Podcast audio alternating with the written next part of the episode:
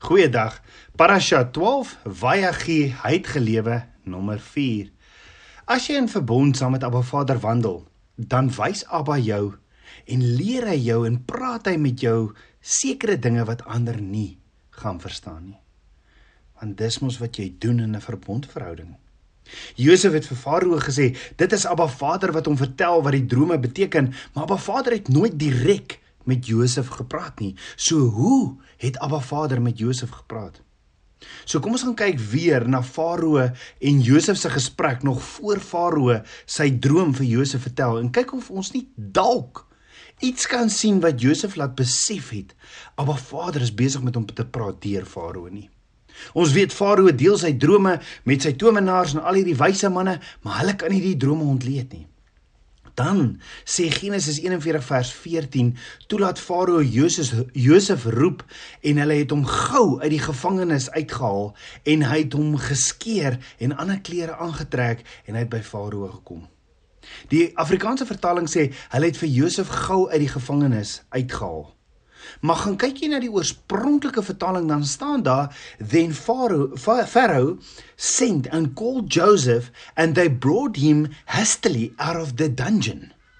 Hæ? Huh? So het hulle vir Josef uit 'n dungeon, 'n put of uit die tronk gehaal. Die oorspronklike woord sê dungeon. Nou dungeon in Hebreëus is bor wat beteken put. Die woord vir die tronk in Hebreëus is die woord vir tronk in Hebreëus is bait hasoar. Met ander woorde Farao sê gaan haal hom uit die put en die wortelwoord van bor of put beteken to declare something. So is dit moontlik dat Abba Vader iets aan Josef wou verklaar? Verseker. Die woord sê put, maar Josef was eintlik in die tronk. Maar dink gou daaroor.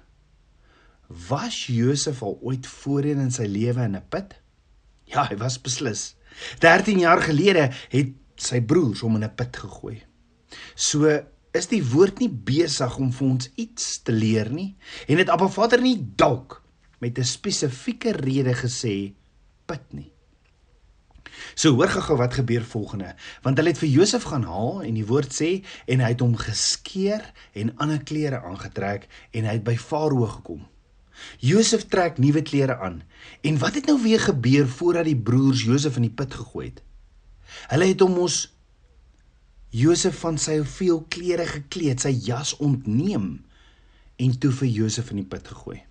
So as jy sien wat tot dusver hier met Josef gebeur het, is daar nie net verbindings nie, daar is ook 'n patroon in die verbindings. So wat is die patroon? In die eerste plek is dit die omgekeerde kronologiese volgorde. Die eerste keer is Josef ontneem van sy klere en in die put gegooi. Nou is hy uit die put gehaal en klere voorgegee. Met ander woorde, dit is nie net omgekeerde kronologiese volgorde nie, dit is ook die omgekeerde belang van gebeurtenisse dan nie. Die eerste keer is hy gestroop van sy kleed, nou kry hy 'n pragtige nuwe kleed om te dra, die teenoorgestelde. Ook was hy gegooi in 'n put en nou word hy uitgehaal uit 'n put. Is dit toevallig? Of gaan die patroon dalk nog voort? So dink gou daaroor. As die patroon sou voortgaan, sou die volgende gebeurtenis wat ons sou verwag om te gebeur 13 jaar gelede die teenoorgestelde wees van Josef wat Farao 'n gesagsfiguur ontmoet, nê? Nee. Met ander woorde, voor hy van sy klere gestroop is, wat het in Josef se lewe gebeur? Die teenoorgestelde as om na 'n man gebring te word, dit sal mos wees dat 'n man 'n gesagsfiguur hom wegstuur, is dit nie? Het so iets 13 jaar gelede in Josef se lewe gebeur? Ja, voordat Josef in die put gegooi was en van sy kleed gestroop was, is hy weggestuur deur sy vader Jakob, 'n gesagsfiguur in sy lewe, om te gaan kyk hoe gaan dit met sy broers in Sigim, nê. Nee. Met ander woorde, Josef se vader is gesagsfiguur het hom weggestuur. Farao, 'n gesagsfiguur, bring hom nader. Presies die punt van die saak is Josef gaan staan voor Farao om Farao se drome te interpreteer en ewe skielik sien Josef al hierdie gebeure wat hom terug laat dink en herinner aan sy lewe in die put. Dit is amper asof Abba Vader Josef lei tot 'n begrip van wat kan volgende gebeur Josef as hy vir Abba Vader in die droom hoor. Ek wil voorstel dat as Josef aanhou om hierdie parallelle in hierdie droom van Farao te sien, dit hom sou help om die betekenis te interpreteer van wat Abba Vader vir Farao of Josef probeer vertel het in die droom van Farao dan nie.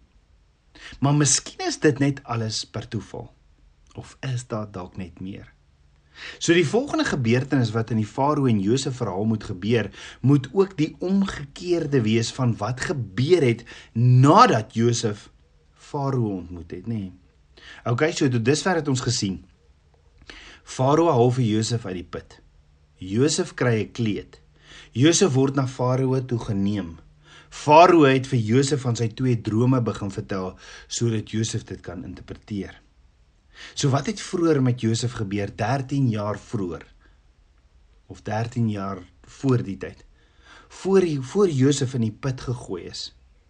Voor Josef nog van sy kleed ontneem is.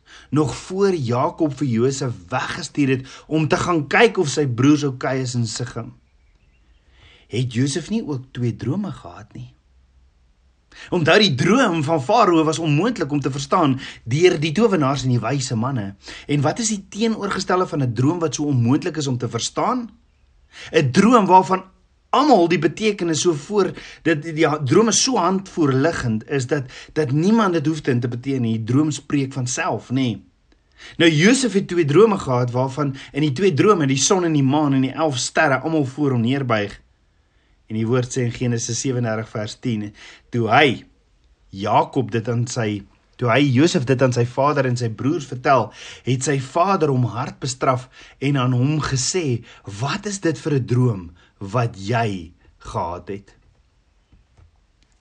Moet ons werklik kom, ek en jou moeder en jou broers om voor jou na die aarde neer te buig? Kyk ons nou 13 jaar later na die omgekeerde is dit die gesagsfiguur wat nou die drome gehaat het, nie Josef nie. En die gesagsfiguur wat dit aan Josef vertel. En hoor Farao die gesagsfiguur wil vir Josef vertel van die twee drome. 13 jaar terug wou Jakob die gesagsfiguur niks weet van die drome nie. Nee, hy het Josef bestraf.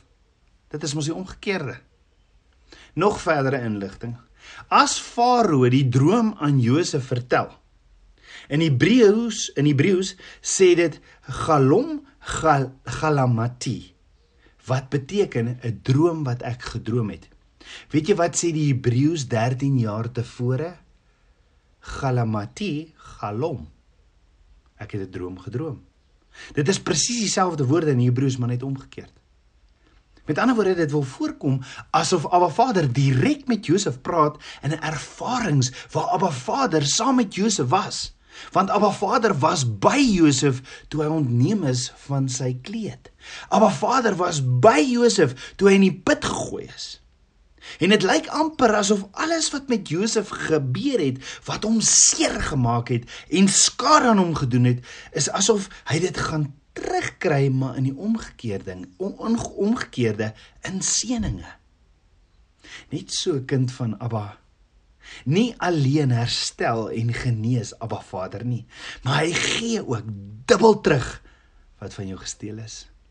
Ja 13 gele jaar gelede in Jose lewe het alles uitmekaar geval en nou oornag na 'n droom van Farao kom alles bymekaar vir Josef.